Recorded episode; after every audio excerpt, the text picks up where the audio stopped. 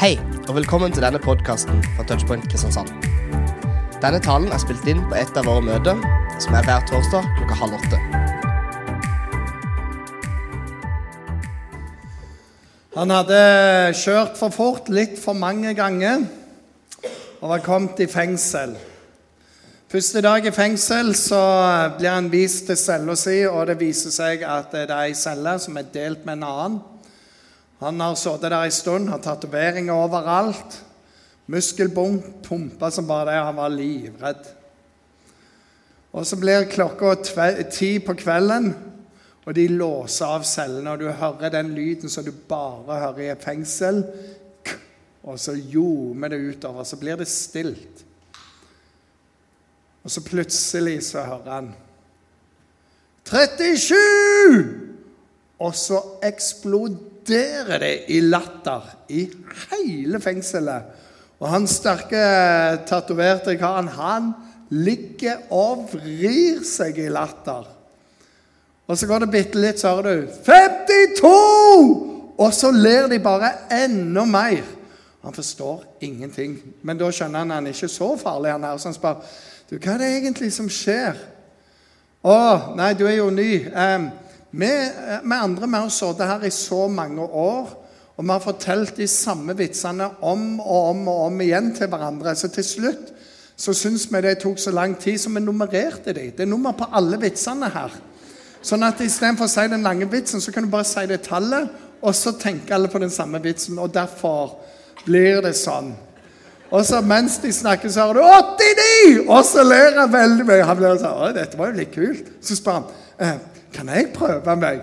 Ja, ja, ja, vær så god. Fritt fram. Og så venter han til det blir stille, og så Tolv! Helt stille i fengsel. Ingen respons. Så prøver han en gang til. Tolv! Ingen respons. Så blir han litt forvirra. Hva, hva er det for noe? Han andre sa vel, det er bare noen som ikke kan fortelle en vits. Sånn er det. Men siste delen av serien Ustoppelig den er hentet fra Apostelens gjerninger. Og det er nesten i hvert kapittel så er de innom et eller annet fengsel. Og i dag så skrives det brev fra fengsel. Utgangspunktet er hentet i Apostelens gjerninger kapittel 16. Og greia er at det står at Paulus og vennene hans kom til byen Filippi og var der i noen få dager. Hvor mye kan du egentlig gjøre på noen få dager? Ganske mye hvis du er Paulus og gjengen. Og så leser vi veldig fort at uh, han møtte folk, snakket med dem, og en dame ved navn Lydia kommer til troen på Jesus. Hele hun, hun og hele hennes hus, og de lar seg døpe. Den første europeer som tok imot Jesus, var ei dame ved navn Lydia. Og så går det videre derifra til at de gikk ned til et bønnested. For det var sånn at eh, du kunne ikke lage en synagoge før det var tolv menn. Hvis det var færre enn tolv menn som samlet, så var det et bønnested. Var du tolv eller flere, så ble det en synagoge. Så det var et sånn et bønnested. Han gikk der. Men på veien så var det ei som var besatt av en spådom sånn. Hun bare kunne se tvers igjennom alle. Og hun går og roper ut etter disse disse forkynner veien til himmelen. Disse må dere høre på. Disse har den sanne ånd i seg. Og Du skulle jo tro at det var litt sånn wow, kult! Noen anerkjenner oss ærende, ser Guds ånd inni oss. Men Paulus blir så irritert på dette, for det er dag ut og dag inn så går hun og roper. Hver gang han prøver å forkynne evangeliet, så, så prøver han Og så til slutt så har han fått nok. Og så bare vender han seg rundt og så sier han, ti stille, far ut av henne. Og dama blir satt fri ifra en demonbesettelse sånn. Problemet var at hun var eid av noen menn som tjente penger på henne. For hun var så god å spå. Så de tjente masse penger. Og når de ser vi kanskje tjener mer penger på hun, så får de Paulus sendt i fengsel. Og han blir piska, han blir slått. Og for sikkerhets skyld så blir han satt helt, helt innerst i fengselet. Og så er jo et spørsmål, da. Hva gjør du når du kommer innerst i et fengsel, og de roper ikke sånne navn på vitser? Og Når du sitter innerst og, og beina fester i en blokk, da er du rimelig støkk. Det Paulus gjør, det står han ba, og så begynner han å synge lovsanger. Du får ikke bedre akustikk enn du får i et fengsel. Alle hører på. For det er så stille, og det er så dystert. Men plutselig så er det en forandring i atmosfæren. Og så står det skrevet at en engel kommer og bare lukker opp alle dørene. Fangevokteren ser det, han har ansvar for dette, så han prøver å ta livet sitt. Og Paulus roper du må ikke ta livet ditt. Og så tar han imot Jesus istedenfor. Og så skjer det masse ting. Bare noen få dager i Filippi. Og så vil vi lese egentlig gjennom andre skrifter at først kom Lydia til tro, så kom denne fangevokteren til tro, og så kom det flere folk til tro. Så de første kristne europeere er en rimelig interessant sak. Og greia er at Evangeliet er jo gode nyheter til alle, samme hvem du er. Senere i livet så blir han fengsla, og da skriver han et brev til denne gjengen som begynte menigheten i kapittel 16. og Det heter Filippa-brevet. Filippa-brevet er kalt gledens brev, og ordet 'glede' i en eller annen form er nevnt 16 ganger i det brevet. Han sitter i fengsel. Det fins ikke glede rundt han. Vi skal inn i teksten, og der står det Det er kun disse versene i dag. Vær glad for det, for da blir jeg ferdig i tide. Men det står Jeg vil at dere skal vite, søsken, at det som har hendt meg Altså, han er kommet i fengsel har tjent til fremgang for evangeliet. Det har blitt kjent i hele borgen og for alle de andre at det er for Kristi skyld jeg bærer lenker. På grunn av disse lenkene har de fleste av våre søsken fått større tillit til Herren, så de enda modigere enn før våger å forkynne ordet. Og her er eh, greia i dag Det er tre p-er. Person, problem og perspektiv. Og Du finner alt i teksten, og sammen med apostelens gjerninger. Men du må ha en pasjon for noe. Og har du en pasjon for Guds rike, så vil det alltid følge med problem. Du må bare regne med det. Og så gjelder det å ha perspektiv. Og Hvis du mangler en av de tre delene, så er det som en kakeoppskrift med tre hovedingredienser. Du mister en av de, og det smaker bare ikke godt. Dette hører sammen for alle som tror. Men når det er oppe, så la meg stille deg spør, eller si dette. Åndelig modenhet det kan måles mot hva som skal til for å stjele din glede. Hvor fort blir din glede stjålet fra deg? Eller spør motsatt. Blir gleden din stjålet når omstendighetene forandrer seg? Er det noe dypere i deg enn det omstendighetene kaster mot deg. Eller farer humøret ditt med alt som er der. Det er en forskning som sier dette. Folk er ulykkelige for de ser på sine liv som fange. Mange folk føler seg fange av ulike aspekter i livene sine. Fange i en ulykkelig relasjon eller en utilfredsstillende jobb. Eller så er de generelt misfornøyde med sine liv, til tross for at deres grunnleggende behov blir møtt. Så er amerikansk tidsskriftpsykologi i dag. Og Det er jo interessant at vi lever i et utrolig godt og fritt land, og likevel er folk grunnleggende misfornøyd. Det er så mye å henge knaggen på. Så igjen, hva er det som stjeler gleden i ditt liv? For Paulus han sier, 'Gled deg i Herren'. Gled dere i Herren alltid. Det er det tryggeste for dere. Det er det beste for dere. Så dette perspektivet med pasjon, problem og perspektiv, det hører i sammen. Og Det første med pasjon En gudfryktig pasjon, det er prisverdig. Paulus hadde en helt, helt tydelig pasjon i sitt liv. Jeg vet ikke hva din pasjon er. Eh, jeg, jeg, jeg, så nettopp en tale av en som heter Reinhard Bunke. Hvis du ikke har sett tale av han, du er nødt til det. Han er hjemme hos Herren nå, men han ble kalt Afrikas apostel. Ba til frelse med hundretusener, om ikke millioner, i Afrika. Han var helt, helt på. Han ble veldig populær. Hans korstog kunne samle 50 000, 100 000. Og han, og han er egentlig tysker. Og så ble han intervjua på tysk TV, og de spurte han hvordan føles det å være på sånne stadioner. Hvordan føles det å være berømt? og Hva drømmer du om ikke det er bra? Så sier han nei, det betyr ingenting for meg. Ja, betyr det ingenting at folk liker deg? Nei, sier han, det betyr ingenting. Ja, Hva betyr noe for deg, da? Så sier han det er en eneste ting som betyr noe for meg, og det er personen hans. Og det, Han sier jeg vil tømme helvete for folk og befolke himmelen med så mange som mulig. Det er det som driver meg. Derfor lever jeg, derfor eksisterer jeg. Det å se ett menneske si ja til Jesus, det er det som betyr noe i mitt liv. Og det levde han hele livet, og Gud brukte han. Men vi kan leve for så mange ting. Jeg møter mange. Karrieren er det viktigste. Jeg må ha de rette titlene, jeg må ha den rette jobben. Penger er en annen. Har jeg de rette titlene, rette posisjonen, så tjener jeg mer penger. Jeg jobber for penger. Penger er lykke på jord. Makt driver mange. Sex driver mange. Lykken ligger i familie. Og det kan være utrolig mange ting. Paulus han hadde én ting, og det var evangeliet. Evangeliet som er gode nyheter. Og han skriver dette. Jeg har alltid satt min ære i å forkynne evangeliet bare der Kristi navn ikke er kjent for at jeg ikke skal bygge på en grunnvoll som andre har lagt. Han reiste overalt med evangeliet. Ønsket å komme til Spania med evangeliet. Og uh, Han hadde tre misjonsreiser som vi kjenner til, rundt omkring. Starta nye menigheter. Det drev han hele tida. Og hvor mye var det?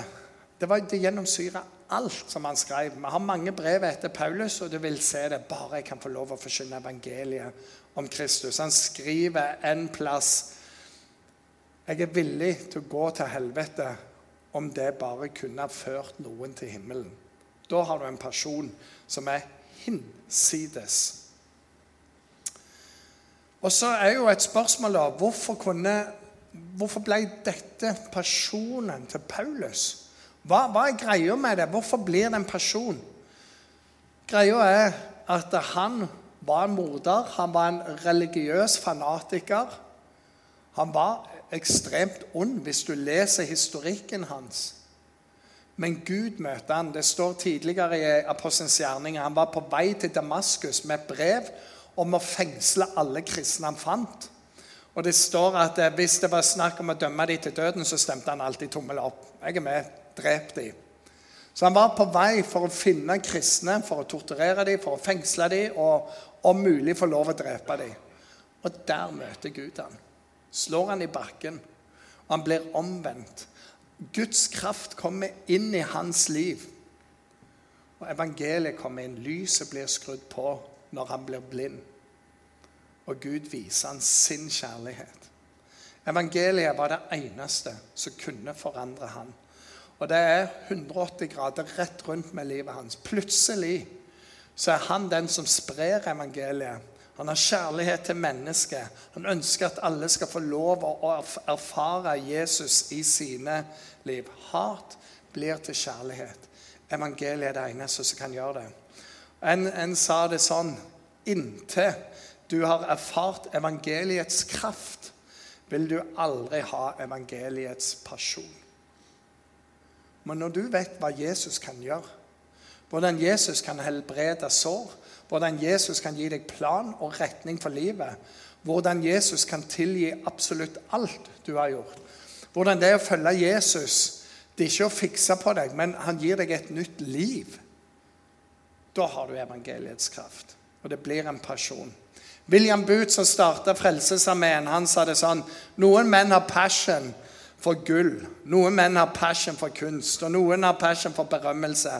Min passion er for sjeler.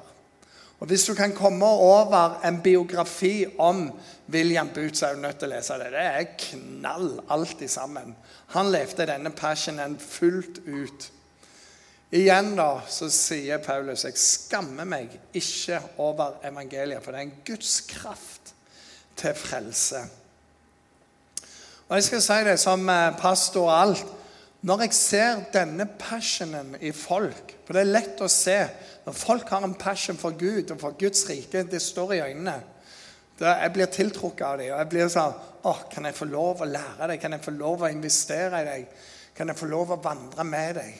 Sånn at eh, av det Gud har gitt meg, kan jeg få lov å gi videre inn i ditt liv.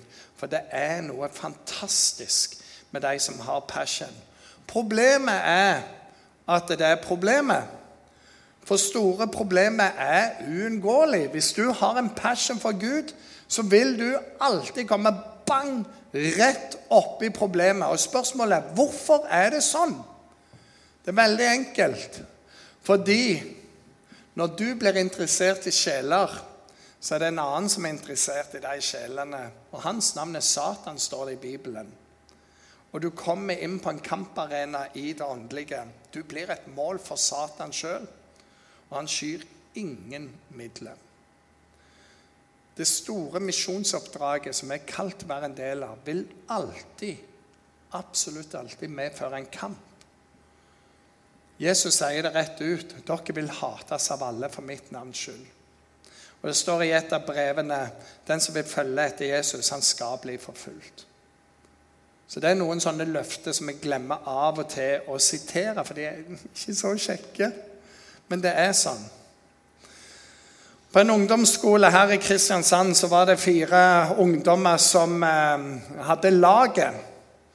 Problemet var at det laget ble litt populært på skolen. Og rektoren var ikke helt kristen, for å si det sånn. Og en dag så serverer disse fire ungdommene i 9. og 10. klasse boller. Og de blir kalt inn på rektors kontor, for boller kan lede folk vill. Det er det farligste du kan gjøre på en ungdomsskole, å servere folk boller. Og ønske de velkommen til et møte. Det er derfor vi har sjokolade her. Vi våger ikke boller her. Vi har lært. Og Der sitter de, 14-15 år gamle, på rektors kontor og blir høvla ned. Hva de tror. Å holde på på den måten. Og hva da hvis muslimene ville gjøre det samme, og hinduistene ville gjøre det samme, og de andre? Hvordan skulle dette gå? Så sitter de der nede. Har de spurt om det, da? Sant? Nei, de har jo ikke det. Så hva er problemet? Problemet er at dere er kristne. Hun ene hun begynte å grine på rektors kontor. Hun var ganske hard mot dem. Og de kommer hjem. Og mødrene til disse jentene de går jo rett i taket i harnisk. Faren til hun ene jenta han er pastor, og han står og taler her i dag. Han hadde en annen reaksjon, for han vet at dette er sant. Og så tenkte jeg inni meg Jeg kunne ikke si det veldig høyt, for jeg er gift med hun ene mora. Men dette, vet du hva jeg tenkte? Tenker Du har en datter på 14 år helt sånn. Dette har du godt av. Og jeg mener det. For den som vil følge Jesus, skal bli forfulgt. Og du må lære at det koster. Du må lære at ikke alle syns bra om det å følge Jesus. Og så er det noen bare med å lære det så fort som mulig, så du tar det med i beregningen. Det har en kostnad, men det har jo òg en gevinst. I tillegg så telte han pastor, men jeg skal sannelig si ifra om skammelig oppførsel til den rektor. Men det er en helt annen sak. Men jeg tenkte det, det har du godt av. Her er greia for mange av dere. Hvis du sier du er en kristen, så vil du oppleve at plutselig så gidder ikke folk å være med deg. Vi merker det i nabolaget. At eh, når folk fant ut vi var kristne, så er det plutselig folk som ikke snakker med oss. Bare fordi vi er kristne så er jo jeg den jeg er, akkurat sånn som jeg er alltid. Så av og til går det bra likevel. Og det blir mer sånn Ikke du pastor, hvordan kan du tulle og tøyse sånn? Og, men det er en annen ting.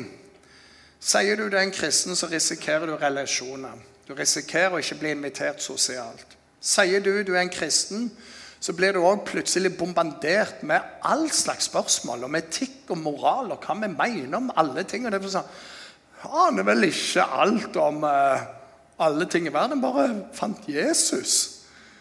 Og så er det litt vanskelig, og derfor er det litt lettere å holde troen for seg sjøl. For troen skaper problem. Og Denne undersøkelsen som skal være, den viser jo det at ni av ti holder troen skjult.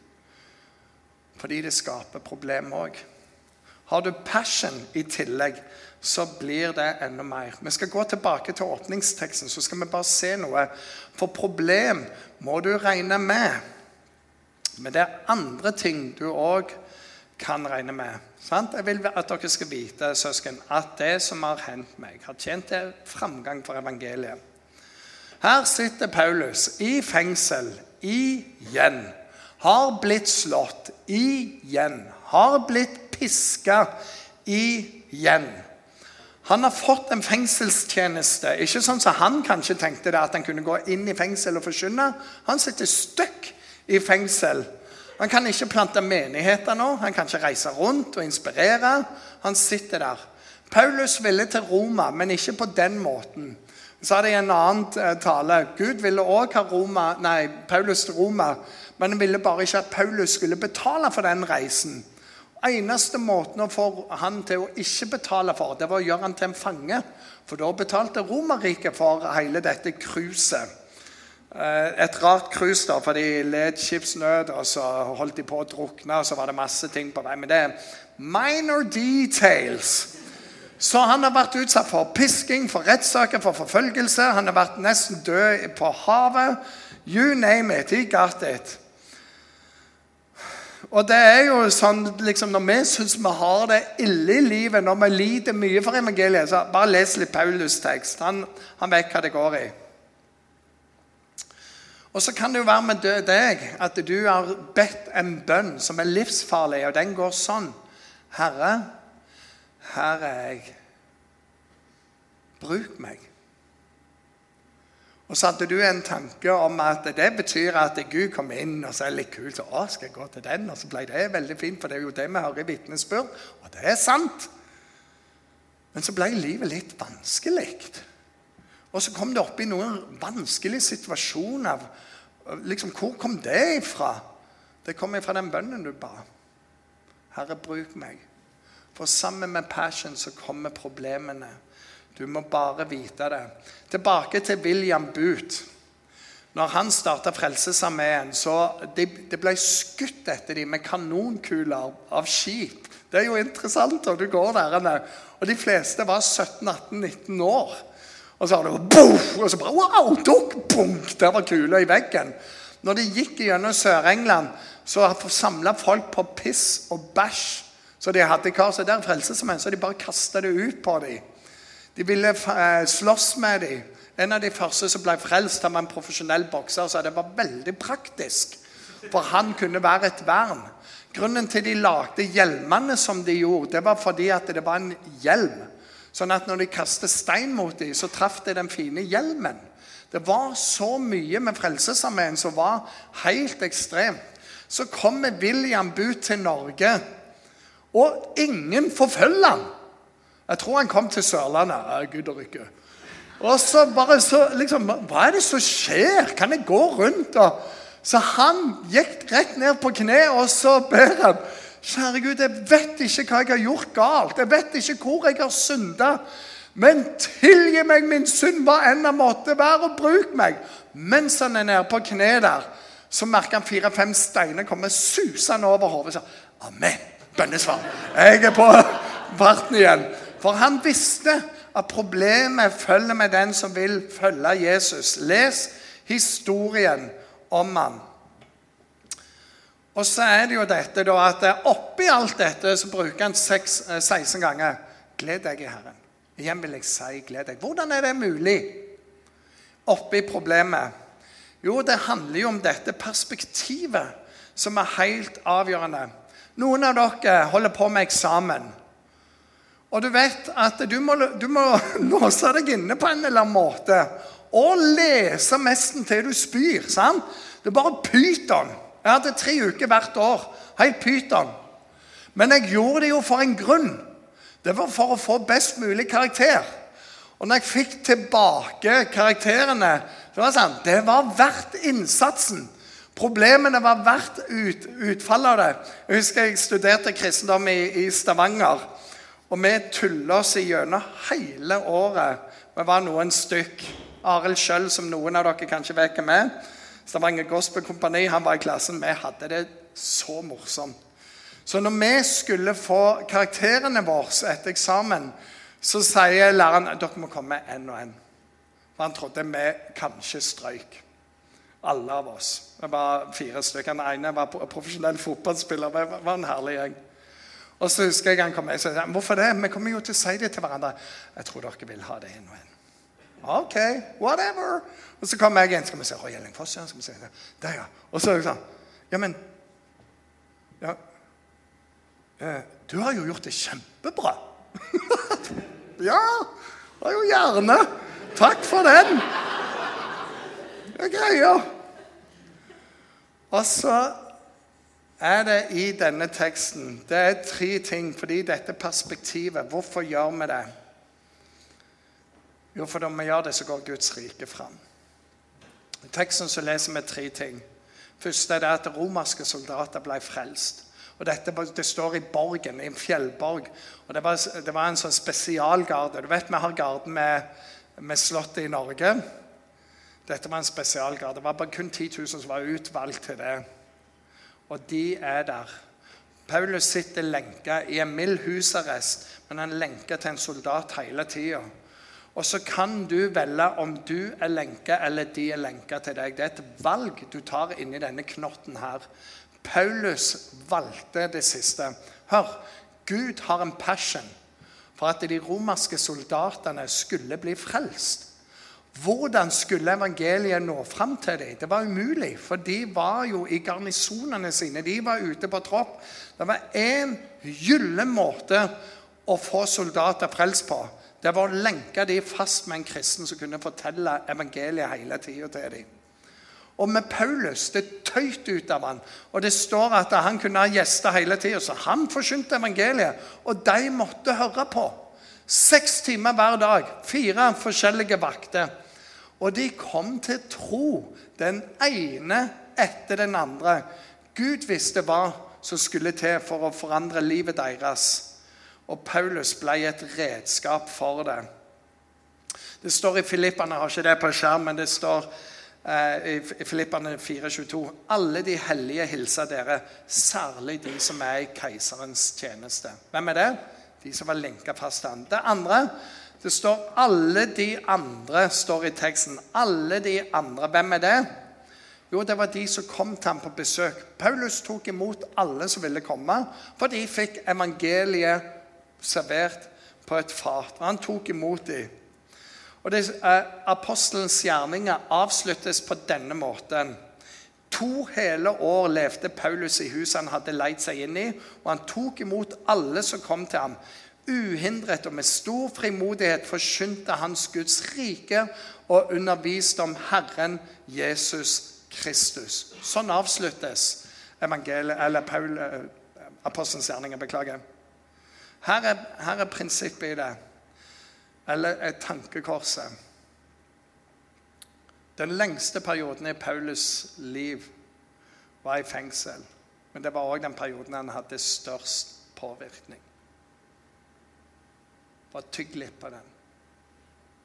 For det som du kan synes er det kjipeste kapitlet i livet ditt, det vanskeligste, det du ikke ville skulle være sånn, men du ba en bønn 'Herre, bruk meg',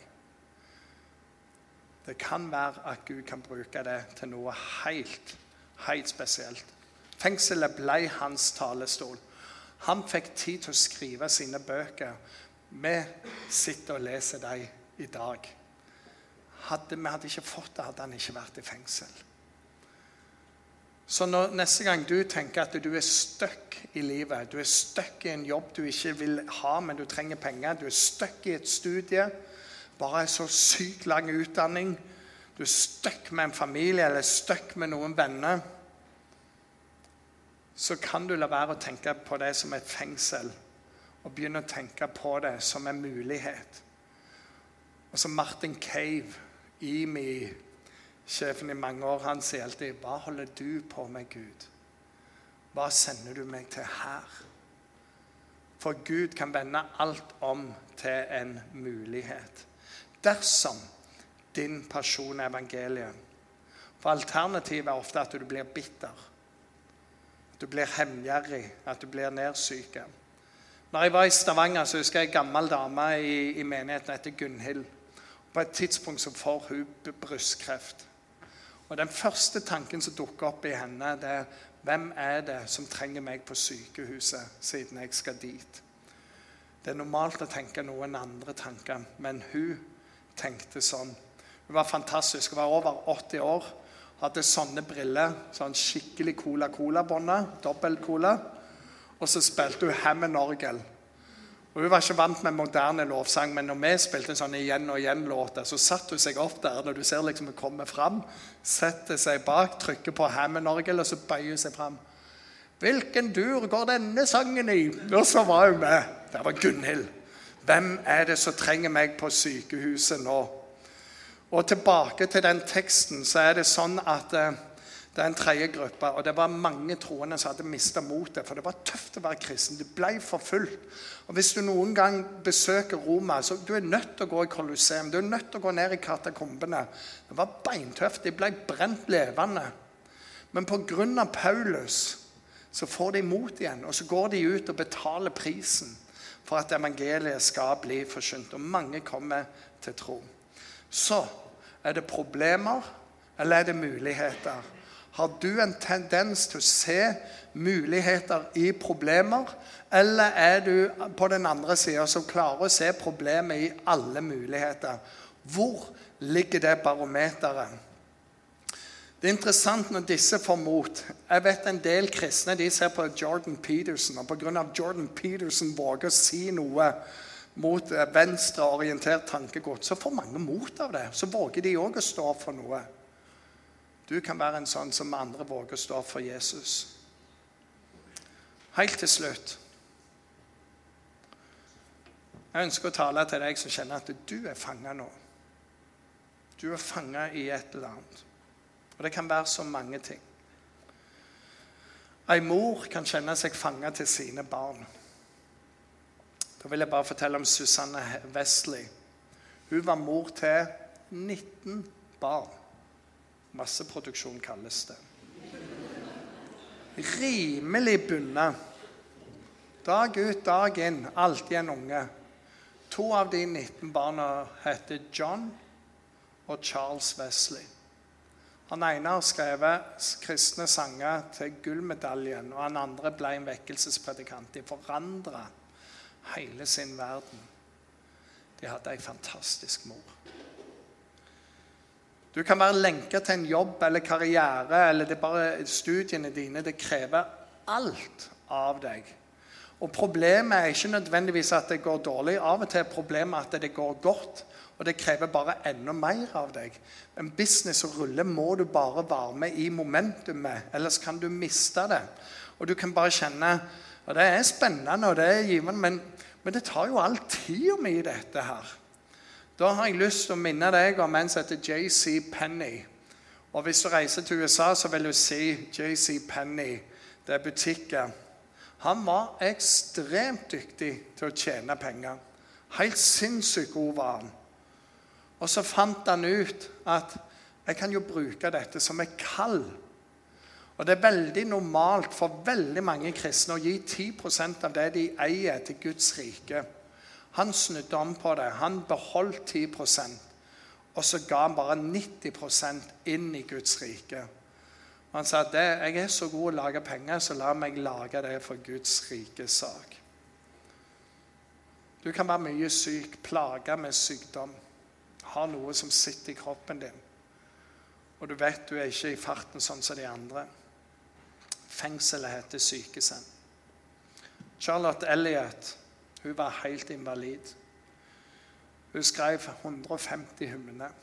Og den ene av de, 'Just As I Am', ble sunget på hvert eneste møte når Billy Graham reiste verden rundt og evangeliserte om Jesus. I Sverige så hadde Melina Sandel, mye syk, skrevet enormt mange flotte sanger som synges overalt og er til trøst og oppmuntring og inspirasjon.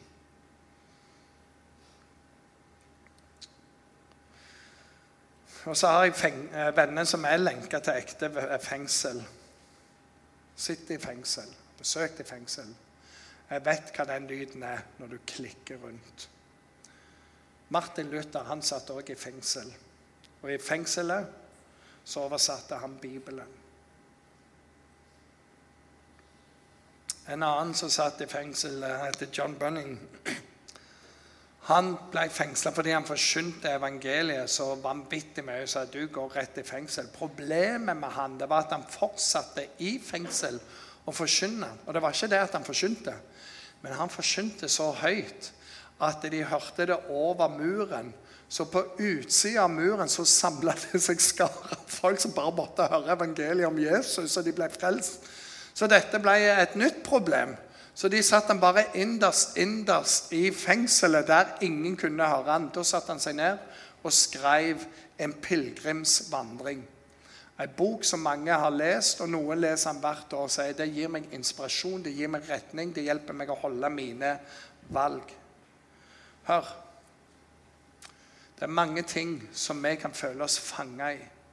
Men hva enn det er, så kan det være en arena. Kanskje kan du lære å være en lykkelig fange. Det handler om person, det handler om problem, det handler om perspektiv. Ikke vær sutrende, ikke vær selvmedlidende, men faktisk vær lykkelig. Takk Gud for at du kan bruke lille meg. Med det lille jeg har. Jeg har hatt tap i mitt liv, og det har du kanskje òg hatt. Paulus han er bare en annen liga når det gjelder tap og smerte.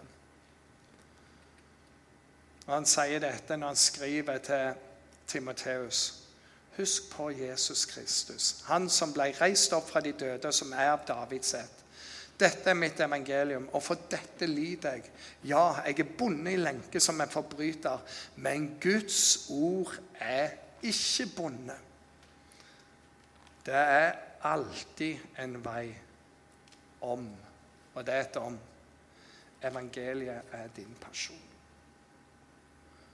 Så la meg spørre tilbake igjen. Hva er pasjonen din? For hvis evangeliet blir din person, så har du medisin mot selvmedlidenhet og bitter, bitterhet og alt det som er vondt. Det er noe som driver deg. Og denne gleden, den vil være din midt i smerten. Herre Jesus, jeg takker deg for det. Takker deg for det er sant. Takker deg for det var sant for Paulus, det var sant for de andre i Bibelen. Det er jo interessant når de blir piska for ditt navns skyld, så står det at de priste seg lykkelige for å funne, bli funnet verdig for å bli piska for ditt navns skyld. Herre, jeg takker deg, for det er noe som er større enn omstendigheter. Akkurat sånn som når vi må lese til en eksamen, og det kan være beinhardt, så er det verdt det fordi etter eksamen så er jeg fri. Det å leve for deg, det kan være vanskelig. Men det har noen ting med seg. Din kraft, evangeliets kraft, de gode nyheter. Det er fritt. Ditt ord er fritt. Herre, jeg ber for den som er kristen her, og som ønsker å følge deg, som syns livet er vanskelig, og livet er urettferdig, og ting skjer som jeg ikke forstår. Herre, det skjer fordi denne personen medfører problemet. Gi styrke. Jeg ber om det. Nå skal vi bare be bitte litt til mens vi har hodene bøyd.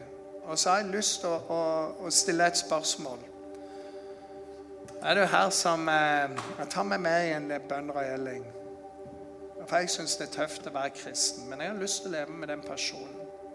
Og jeg vet det blir et problem, men jeg vil leve med det perspektivet.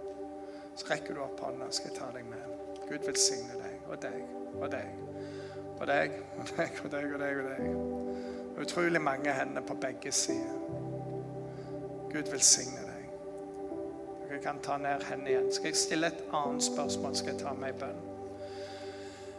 Du som kjenner at eh, vet du hva, jeg har betalt en høy pris for å følge Jesus, og det er beintøft. Ta meg med i bønn om at Gud skal helbrede deg i såret. Det har gitt meg. Kan du rekke opp ei hånd, skal jeg ta det med. Igjen, det er mange hender her. Gud velsigne deg. Jeg bare lyst til å si Gud er så stolt av deg. Han ser deg, han er stolt av deg. Og en dag så står han med åpne armer og så sier han 'velkommen hjem'. Velkommen hjem. Så bra. Og så sier han òg 'jeg vet om dine nederlag', men du sto. Du reiste deg igjen. Jeg er så stolt av deg. Og til slutt så vil jeg eh, be òg for deg som Ok, nå vet jeg at hvis jeg har en pasjon for Jesus, så vil det føre med problemer. Hvis jeg sier 'Gud, her er livet mitt', det er ikke bare det lette bønn, for det fører òg vanskeligheter med meg. Men jeg er villig til å be den bønnen for det om. Er du her, så rekker du opp hånda og sier 'Gud, her er jeg. Ta mitt liv'. Ja, Gud velsigne dere. Jeg har lyst til å spørre bare en gang til på det spørsmålet, for det er et stort valg. Det innebærer at Gud kommer på førsteplass. Er du her, så skal jeg ta med i bønn. Gud velsigne deg. Velsigne deg. Gud velsigne deg. Og Gud velsigne deg. Er det en til her? Kjempe inni deg. Gud velsigne deg. Av og til kjemper det veldig inni oss. Så dere kan ta ned hendene deres og løfte dem opp. Bare spør en siste gang. Ønsker du å bli tatt med i bønn? For det er en kamp. Kamp fordi det er en overgivelse i deg. Gud velsigne deg. Og deg. Og deg. Herre Jesus, jeg takker deg for du ser alle disse hendene. Du som har rekt opp hånda. Alle lukka øynene. Kan ikke du bare rekke opp dine hender til Herren? Herre, du ser alle disse hendene som er rekt opp til deg. Som sier Jesus, du er nummer én. Ber først for de som har hatt så mange sår, skuffelser, problemer, vanskeligheter fordi de følger deg. Jeg ber om legedom for det onde som er sagt mot dem, for det onde som er gjort mot dem. Jeg ber om at du skal lede det, lege det, og så ber jeg samtidig om at du skal gi dem perspektiv. At du skal gjøre dem litt sjokkhude.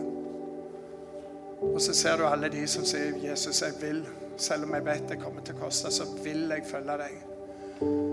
Herre, jeg vet du smiler i himmelen over dette. Og du svarer den bønnen. Herre, må du velsigne deg i Faderens, Sønnens og Den hellige ånds navn. Amen.